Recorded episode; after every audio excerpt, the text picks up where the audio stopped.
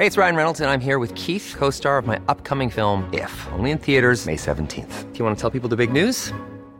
All right, I'll do it. Sign up now and you'll get unlimited for $15 a month in six months of Paramount Plus Essential Plan on us. Mintmobile.com slash switch.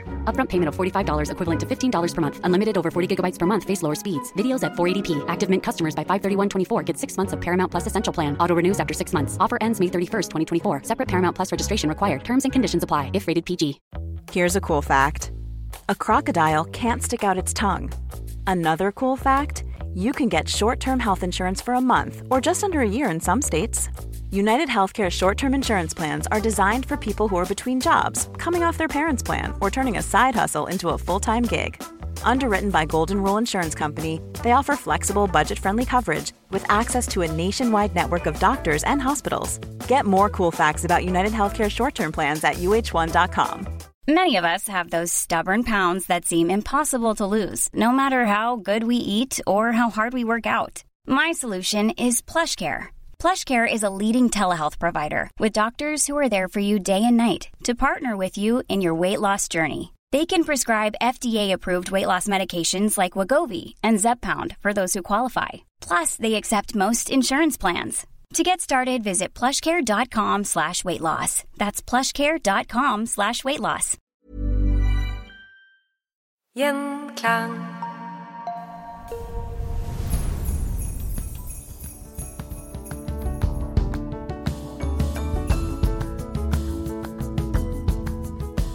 Velkommen til Historie som endret eh, Norge. Vi har med oss Mona Ringvei. Hei. Hei.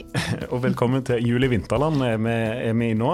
Eh, Tusen takk. Acast sitt studio i, i Spikersuppa. Og det skal handle litt om jul, men kanskje norgeshistoriens viktigste juleselskap. Kan jeg, kan jeg være så frekk og freidig å si det? Eh, Ja, det kan man jo alltids bygge en sak rundt. Ja, jeg har ikke kontroll på alle, men jeg vet bare at det vi skal snakke om nå, det har vært eh, eh, Det passer i historier som endret Norge, eh, vil jeg tro. Eh, Når, når meg og deg maila sammen, og så foreslo du dronning Eufemias juleselskap på Akershus slott. Bare i den setningen der. Ja, det vil jeg høre mer om. Men kanskje vi skal starte med dronning Eufemia. For mange litt ukjent helt til det kom en ny gate her i Oslo, dronning Eufemias gate. Så var, hvem var hun egentlig? Ikke sant? Nei, eh, hun var jo da en fyrstedatter som ble født eh, i Rygen, altså et, en liten stat der eh, i Østersjøen, eh, rett nord for det som da er eh, Polen i dag, tror jeg. Og eh, hun ble jo da giftet bort til eh, den norske hertug Håkon. Og det er sønnen til Magnus Lagabøte. Ja, Så da befinner vi oss eh, der noen vil kalle det middelalderen? Ja, vi befinner oss i middelalderen, og så kan vi bare si at vi befinner oss sånn cirka rundt år 1300, for det er et enkelt tall å huske. Men Ja. vi starter vel i 1299 cirka, da. Ja. Da kommer eh, dronning Eller hun blir jo eh, Det er ikke meningen at hun skal være dronning, fordi hun gifter seg med en hertug, altså sønnen til Magnus eh, Lagabøte. Hertug eh, Håkon. Han er eh, den yngste sønnen til, til Magnus Lagabøte, og dermed så får han Oslo og området rundt liksom her på Østlandet, eh, også deler av Vesterhavsøyene, som et hertugdømme, mens storebroren Eirik, som sitter i Bergen, som da må karakteriseres som landets hovedstad, Ja. han er konge. Men så skjer det at rett etter at Eufemia kommer til Norge for å bli hertuginne, da, så dør jo Håkon storebror. Så da blir Håkon kong Håkon den femte. ja. Og da er det ikke aktuelt å flytte til Bergen, da, eller? Nei, altså, Håkon hadde jo antageligvis liksom blitt veldig betatt av eh, Oslo. Han hadde jo snekret og holdt på her, holdt jeg på å si, overført betydning da, en god stund, eh, og bygget opp dette hertugdømmet, og bygget opp altså Oslo som by. Ja. Så han øh, drev med vedlikehold og pleiet denne byen, og likte seg her veldig godt. Og omtrent da han giftet seg, så må jo planleggingen eh, ha vært eh, godt i gang for byggingen av det som skulle bli Akershus slott og festning. Ja. Så han ville være her, og han ble her. ja. Og det gjorde jo òg at dronning Eufemia da Eller eh, hun er jo da ikke dronning på dette tidspunktet, men Eufemia da kommer inn i Oslofjorden. I boka 'Landet mot nord', som, er, som jeg er veldig glad i, som du har skrevet, Mona, så eh, beskriver du òg veldig fint hva, hva som møter eh, Eufemia eh, når hun kommer til Oslo. Du sier at det, det, er blitt en by, men hvilken by? Nå sitter vi, nå sitter vi midt i Spikersuppa, og det, liksom, det, det, er jo et stykke derifra. Ja, det er et stykke derifra. Oslo var en ganske bitte liten uh, by på ca. 3000 innbyggere. Eh, det var noen få steinbygninger eh, i, i, i byen, altså f.eks. Akers Altså gamle Aker kirke. Den var jo allerede 200 år gammel, tror jeg. Ja. 170, ja, noe sånt. Og så nede i altså det som nå er på en måte altså Bjørvik Eller altså Det er borte i Oslo, da, hvor Gamlebyen. byen var. Gamlebyen. Mm. Eh, så var jo Halvardskatedralen mm. var en stor katedral, nesten like stor som Kristkirken i Nidaros, eller Trondheim, da, men ikke helt. Men allikevel ganske stolt, og det var en uh, Håkonshall, altså mm, kongehall der nede også, og flere kirker. Og så På, på nivå med Håkonshall, som vi kjenner fra Bergen, eller? Ja, altså det er altså rett og slett Håkon den femtes farfar, Håkon Håkonsen, ja, ja. hadde jo bygget uh, disse hallene, ja. en i, i Bergen, og så i Oslo, da. Den var ikke like stor. Nei, da var ikke det. Men nesten. nesten. ja, uh, Så det var en uh, koselig liten by inne i Viken her. Og, folk flest, kan du si noe om det? ja, og uh, folk og De besto av sånn laftede tømmerhus som ja. er delt inn i sånne kvadratiske gater og løp, altså streter og, og hva det heter for noe. Eh, og gateløpene var jo belagt med planker, og under der så løp jo rottene glad og fornøyd i kloakken.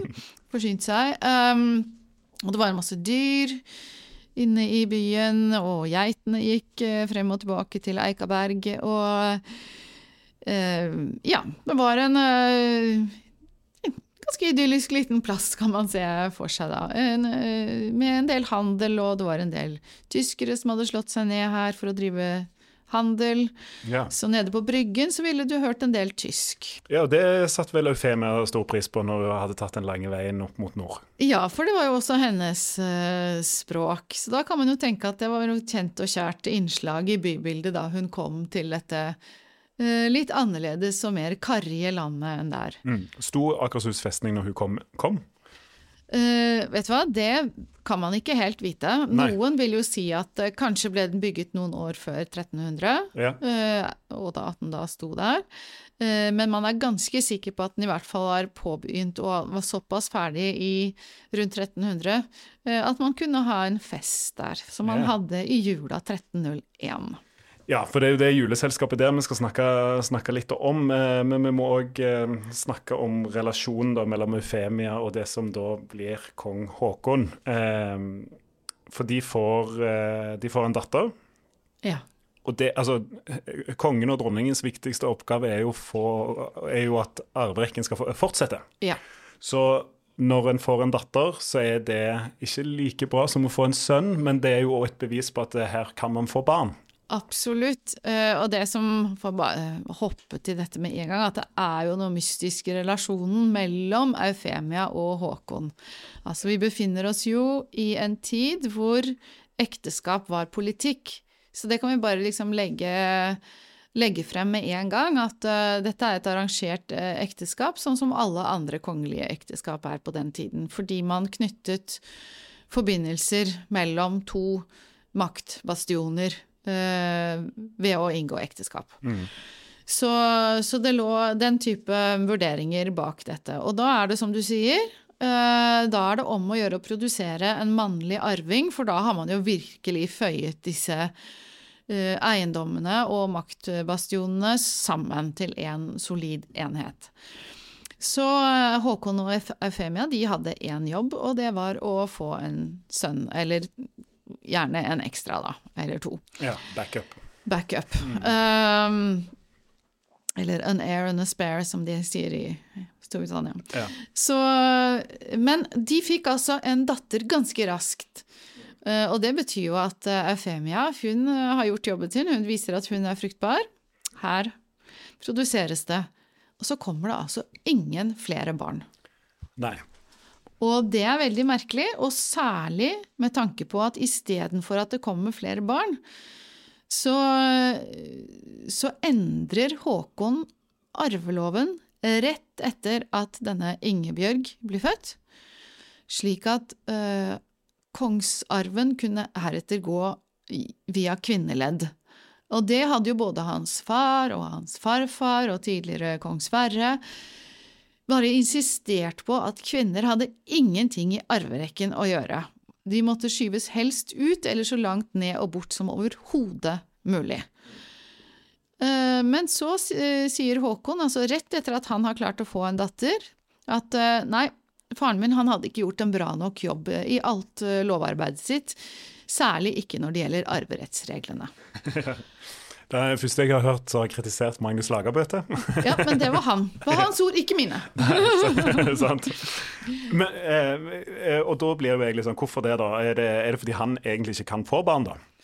Ja, men det er jo det man har lurt på. Kunne han ikke få barn? Men hvorfor kunne han plutselig kunne han få ett barn, men ikke flere barn? Ja. Det er veldig merkelig. Og, eh, og hvis han ikke kunne få barn, hvem er da denne prinsessen da på Akershus slott? Ja. Som ganske tidlig, eh, som sin mor, da havner, et, eh, havner som en brikke da, i et maktspill. ja. Eh, hva er det som skjer i, i Norden på denne tiden som gjør at eh, kong Haakon har, har litt dårlig tid med å gifte bort sin ett år gamle datter? Ja, det som eh, sånn overordnet sett, så er det jo disse tre nordiske kongerikene, Danmark, Sverige og Norge, de er jo blitt ganske så befestet som kongeriker.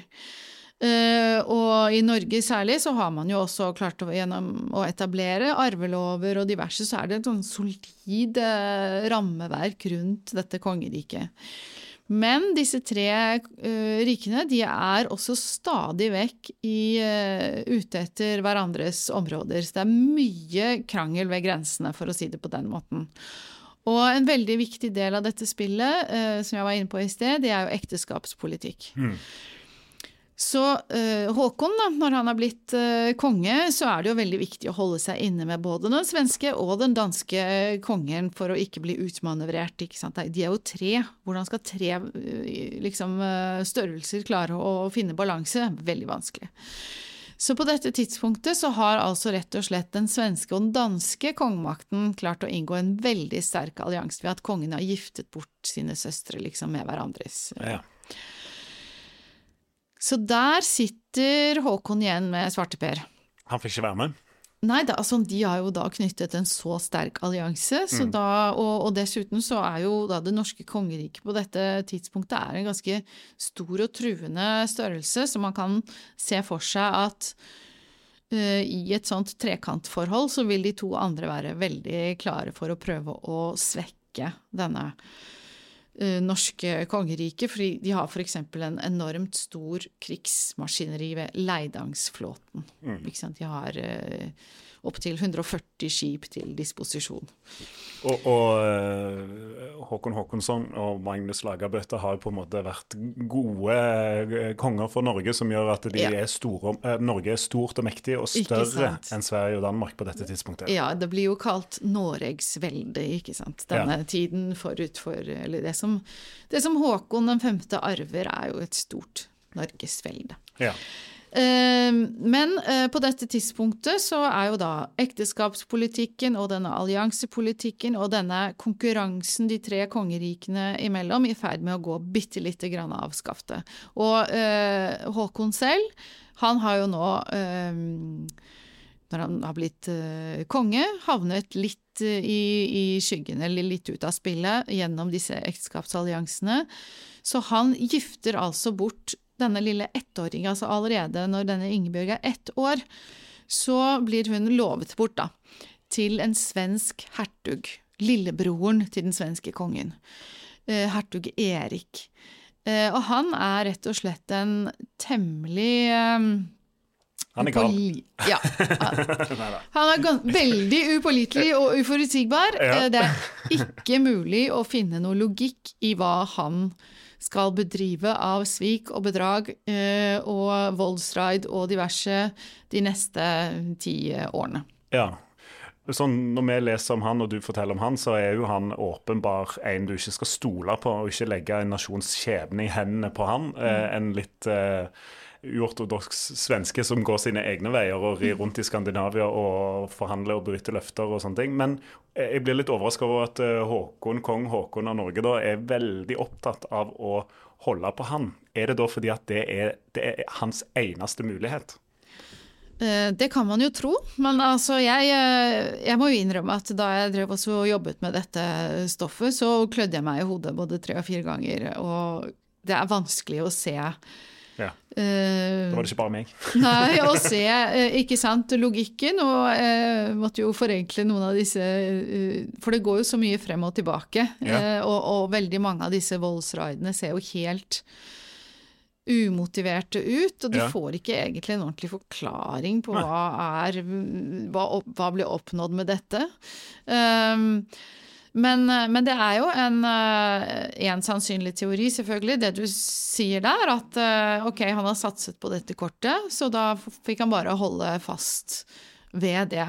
Eh, Og så kan man jo tenke at eh, det ligger en desperasjon ikke sant? Det er jo noe med at det er noe mystikk rundt, eh, rundt hele denne relasjonen. Eh, Håkon, Efemia og denne hertug Erik. Eh, og at det kanskje ligger en form for desperasjon her, fordi det er jo noe med disse ikke sant, Disse kongerikene de er forholdsvis solide, og det norske kongeriket er tilsynelatende veldig solid.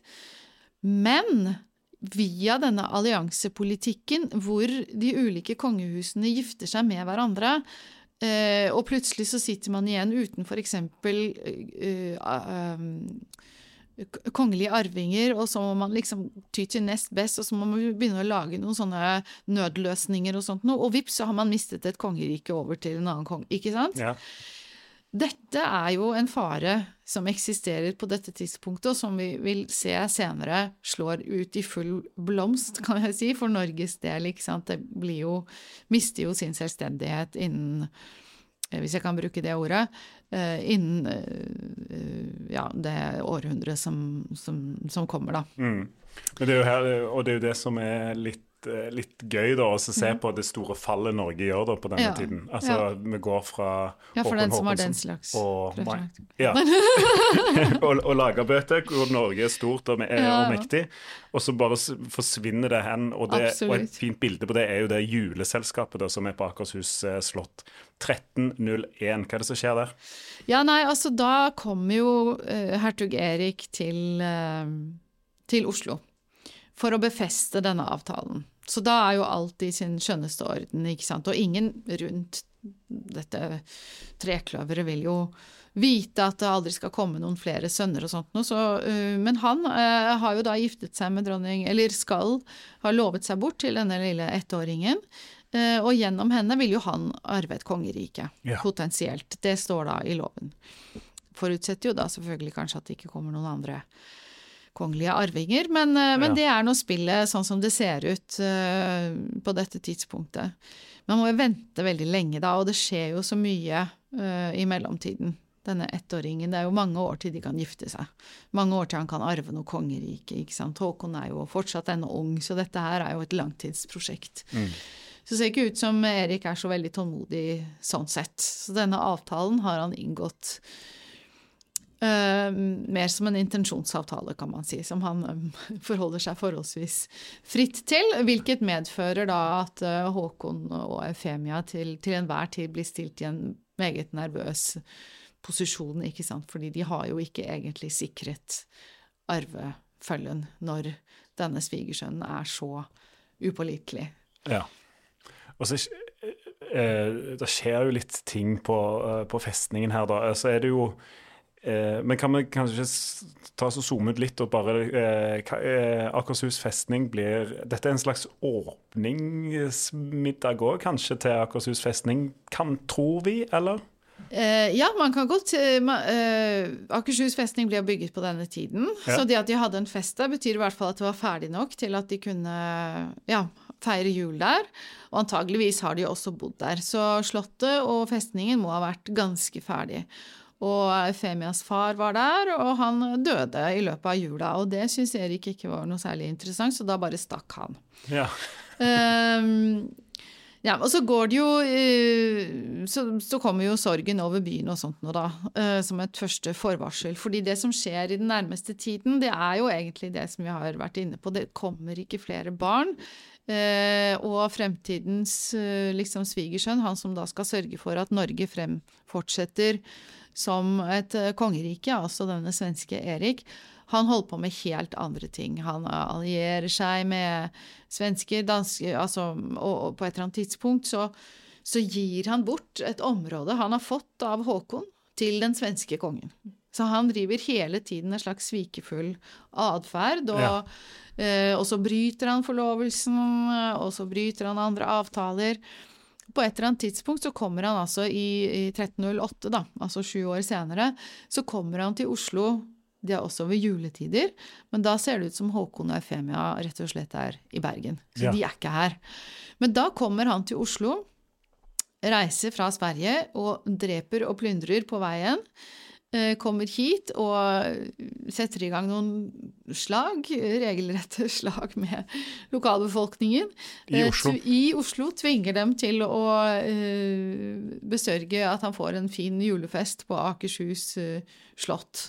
Ja. Så han oppfører seg bare Ikke sant, rart, det er vanskelig å gi noen sånn mening til dette, men han kom hit og, og, og skulle plutselig bare ødelegge for sin tilkommende svigerfar og svigermor, da. Uvisst av hvilken grunn.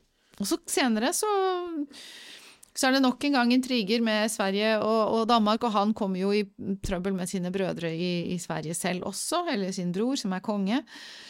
Um, og så gjenopptas denne alliansen, da. Uh, og han gifter seg til slutt med Ingeborg, faktisk.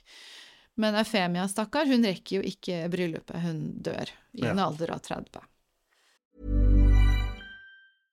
Hey, I'm Ryan Reynolds. At Mint Mobile, we like to do the opposite of what Big Wireless does. They charge you a lot, we charge you a little. So naturally, when they announced they'd be raising their prices due to inflation, we decided to deflate our prices due to not hating you. That's right. We're cutting the price of Mint Unlimited from $30 a month to just $15 a month. Give it a try at mintmobile.com slash switch. $45 upfront for three months plus taxes and fees. Promo for new customers for limited time. Unlimited more than 40 gigabytes per month. Slows. Full terms at mintmobile.com. Mom deserves the best, and there's no better place to shop for Mother's Day than Whole Foods Market. They're your destination for unbeatable savings, from premium gifts to show-stopping flowers and irresistible desserts. Start by saving 33% with Prime on all body care and candles. Then get a 15-stem bunch of tulips for just $9.99 each with Prime. Round out Mom's menu with festive rosé, irresistible berry chantilly cake, and more special treats. Come celebrate Mother's Day at Whole Foods Market. One size fits all seems like a good idea for clothes until you try them on. Same goes for healthcare. That's why United Healthcare offers flexible, budget friendly coverage for medical, vision, dental, and more. Learn more at uh1.com. Det er, eh, det er jo et liv hun har levd, eh, selv om hun dør i en alder av 30. Da. Men eh, hvis vi skal prøve å Eh, fortelle litt om viktigheten rundt dette juleselskapet. Har dette juleselskapet, Eufemias juleselskap på Akershus slott, endra Norge? Uh, ja, altså man kan jo si at det endrer Norge fordi um, det er i dette øyeblikk, når denne Ingebjørg blir giftet bort, at på sett og vis den norske kongekronen da, begynner å vakle. Mm. Fallet begynner her. Ja. ja. Uh, og ja, det blir jo på en måte foregrepet ved at denne svigersønnen er så uh, upålitelig, og ikke en spesielt viktig person. ikke sant? Han er jo en hertug, han er jo ikke en konge. Det kunne sikkert gått greit, men det at de også lar uh, At de ikke produserer flere barn, slik at uh, kongerekken er uh, på ingen måte sikret. Nå får jo Ingeborg og Erik en sønn, som også blir konge, men da blir han konge liksom for Sverige og Norge. Da blir de to landene koblet sammen, og så begynner det å bli litt sånn øh, hvem skal ha Sverige, hvem skal ha Norge, skal Og så øh, Ja, og så nærmer man seg ikke sant, Margrethe Valdemarsdatters tid, hvor hun klarer å forene alle disse tre eh, rikene i Kalmarunionen, og da forsvinner jo Norges liksom selvråderett som kongerike, da, hvis man kan si det på den måten. Eh, og alt dette begynner på sett og vis når eh, arverekken på sett sikres på en så ustabil måte som i dette arrangementet. Da. Altså Det kunne jo gått helt fint eh, hvis eh, barneproduksjon og sånn hadde vært ikke sant? Dette er jo ting man ikke rår over. Nei. Når man skal på en måte legge skjebnen i biologiske faktorer som man Ja, ja. ikke helt kan bestemme. Det er nok til å velte et mektig kongerike, da. Ja, det er jo det. Når folk dør, og plutselig så står man uten en konge, og så velger man seg en arving fra et annet land, et annet hertugdømme, og så driver man og syr det sammen, og så inngår de allianser igjen med noen annen, og så plutselig så vippes eh, den ene på en måte riksrådet ut av makten, og den andre kronen, og så sitter man der med helt nye konstellasjoner som på en måte tilfeldighetenes gang har tvunget frem, da. Ja. Mm, fordi man til tross for all den derre lovbyggingen, ikke sant, så har man liksom ikke klart å styre biologien. Nei. nei. Jeg, Men jeg må, jeg, det blir jo litt eh, Vi, vi tåler litt rykter og sånt i denne podkasten, gjør vi ikke det? Altså, eh, Eufemia er veldig opptatt av, av ridderlitteratur. Riddere. Han her, Erik blir jo òg beskrevet litt som en sånn riddertype, og er fascinert av de samme, samme tekstene. Og det er en annen kultur for det på, det svenske hoffet, har jeg forstått. Eh, og noen peker jo på at det kanskje har vært en romanse mellom Eufemia og Erik, altså eh, svigermor og svigersønn. ja. Stemmer det? Eh, Jeg tror ikke det stemmer. Jeg tror at det er nøkkelen til å rett og slett eh, tolke Eufemia mer som en politisk aktør. Ja. Fordi det som skjer, er at hun Altså, man vet jo ikke så mye om henne, men man vet at hun kommer fra et hoff hvor på en måte den tidens ridderlitteratur sto høyt. Det var liksom et veldig dannet eh, hoff der nede, i Rygen. Det hadde det også vært eh, i Norge. ikke sant? Håkon 5.s farfar Håkon hadde jo også fått oversatt en masse ridderromaner og masse, fikk produsert masse litteratur og sånt noe. Ja. Så det var veldig sterke litterære interesser i Norge også. Spørs egentlig om Håkon 5. var så litterært interessert. Han var mer sånn petimeter, byråkrat, Du skriver, i bok, si. du skriver i boka di at jeg, jeg kan ikke se for meg at han var en bokorm. Ja, ikke Ja. sant. Han, eh, altså, han likte å, å jobbe på mm, den daglige driften av, Ja. eh, av konge... Hardtarbeidende. Han var en til hardt litter- arbeidende litteratur. liksom, kontorarbeider. Ja. som sier. Ja. Mens hun var kanskje da mer sånn påvirket av den litterære hoffkulturen, da. Og, men det var også et maktspråk på mange måter. Eh, og når hun på en måte driver og innynder seg hos Erik, fordi det gjør hun, ved å gi ham oversettelser av disse ridderromanene til svensk. Ja. Og det er jo en veldig sånn rar ting, hvorfor gjør hun det? ja. Men det er jo da åpenbart en gave, og en gave fra en dronning til en hertug i det svenske liksom konge... Det er jo da en slags politisk gave, ikke sant? Det er jo en sånn gaveøkonomi her, gavepolitikk.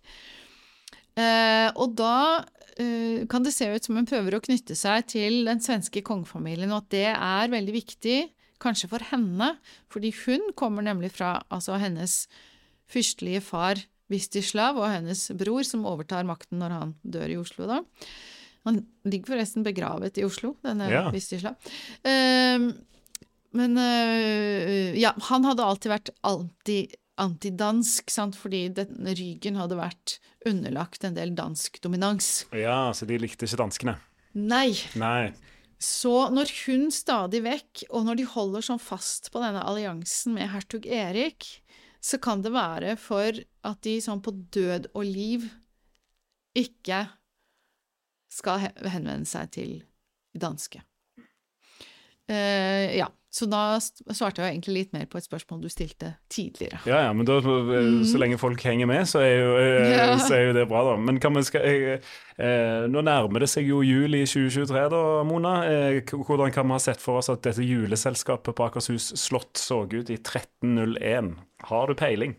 Jeg på har det? ikke Nei, altså Hva skal man si? Eh, eh, jeg kunne starte med å si aner ikke, men, men jeg aner jo litt, da. Eh, Ja. Men eh, altså, jeg har ikke noe folklorekunnskap om når de ulike juletradisjonene på en måte kom til, eh, til landet, bortsett fra at jeg tror juletreet kom på 1800-tallet.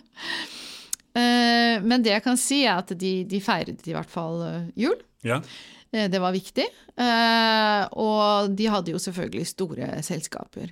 Og en ting som er litt eh, morsomt å tenke på, er at veldig mange av de krydderne som vi forbinder med jul, det som lukter jul, ikke sant, hos oss i dag, de krydderne hadde jo på en måte kommet til landet på dette tidspunktet. ja, hva er krydder, da? Så nei, altså liksom Ja, hva er det man lukter Kanel, til? nellik. Kanel, nellik ehm, Hva var det jeg hadde på tunga her i sted?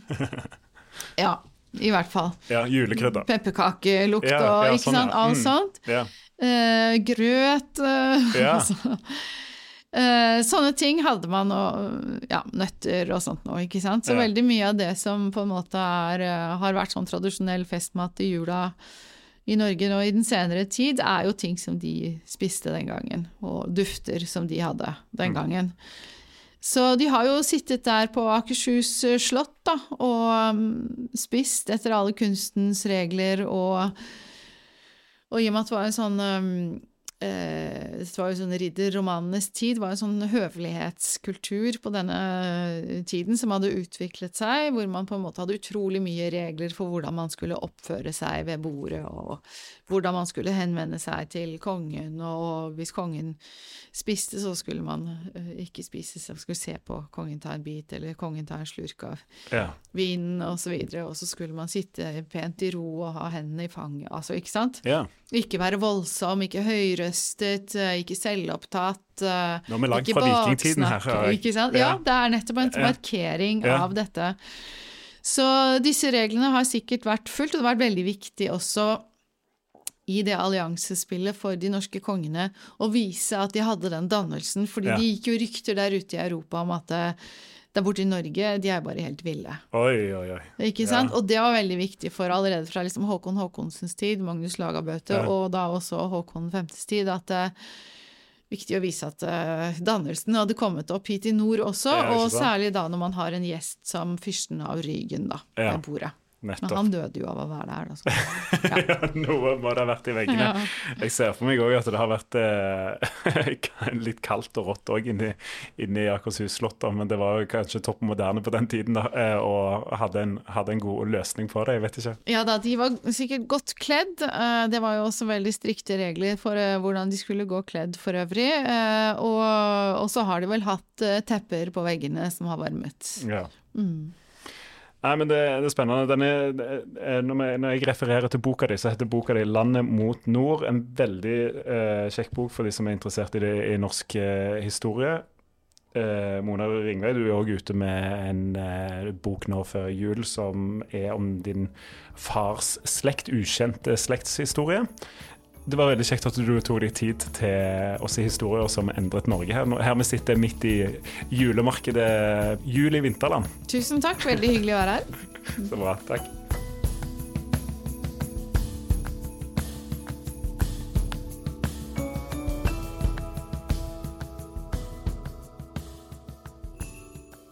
Gjenklang.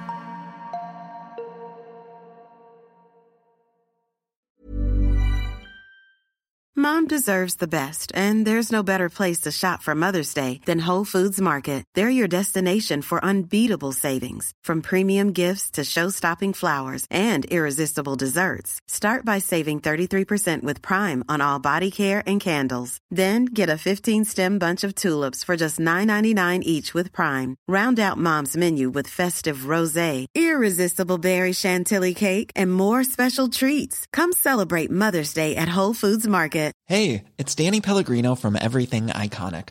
Ready to upgrade your style game without blowing your budget? Check out Quince. They've got all the good stuff shirts and polos, activewear, and fine leather goods, all at 50 to 80% less than other high end brands. And the best part? They're all about safe, ethical, and responsible manufacturing. Get that luxury vibe without the luxury price tag. Hit up quince.com slash upgrade for free shipping and 365 day returns on your next order. That's quince.com slash upgrade. Mom deserves the best, and there's no better place to shop for Mother's Day than Whole Foods Market. They're your destination for unbeatable savings, from premium gifts to show-stopping flowers and irresistible desserts. Start by saving 33% with Prime on all body care and candles. Then get a 15-stem bunch of tulips for just $9.99 each with Prime. Round out Mom's menu with festive rosé, irresistible berry chantilly cake, and more special treats. Come celebrate Mother's Day at Whole Foods Market.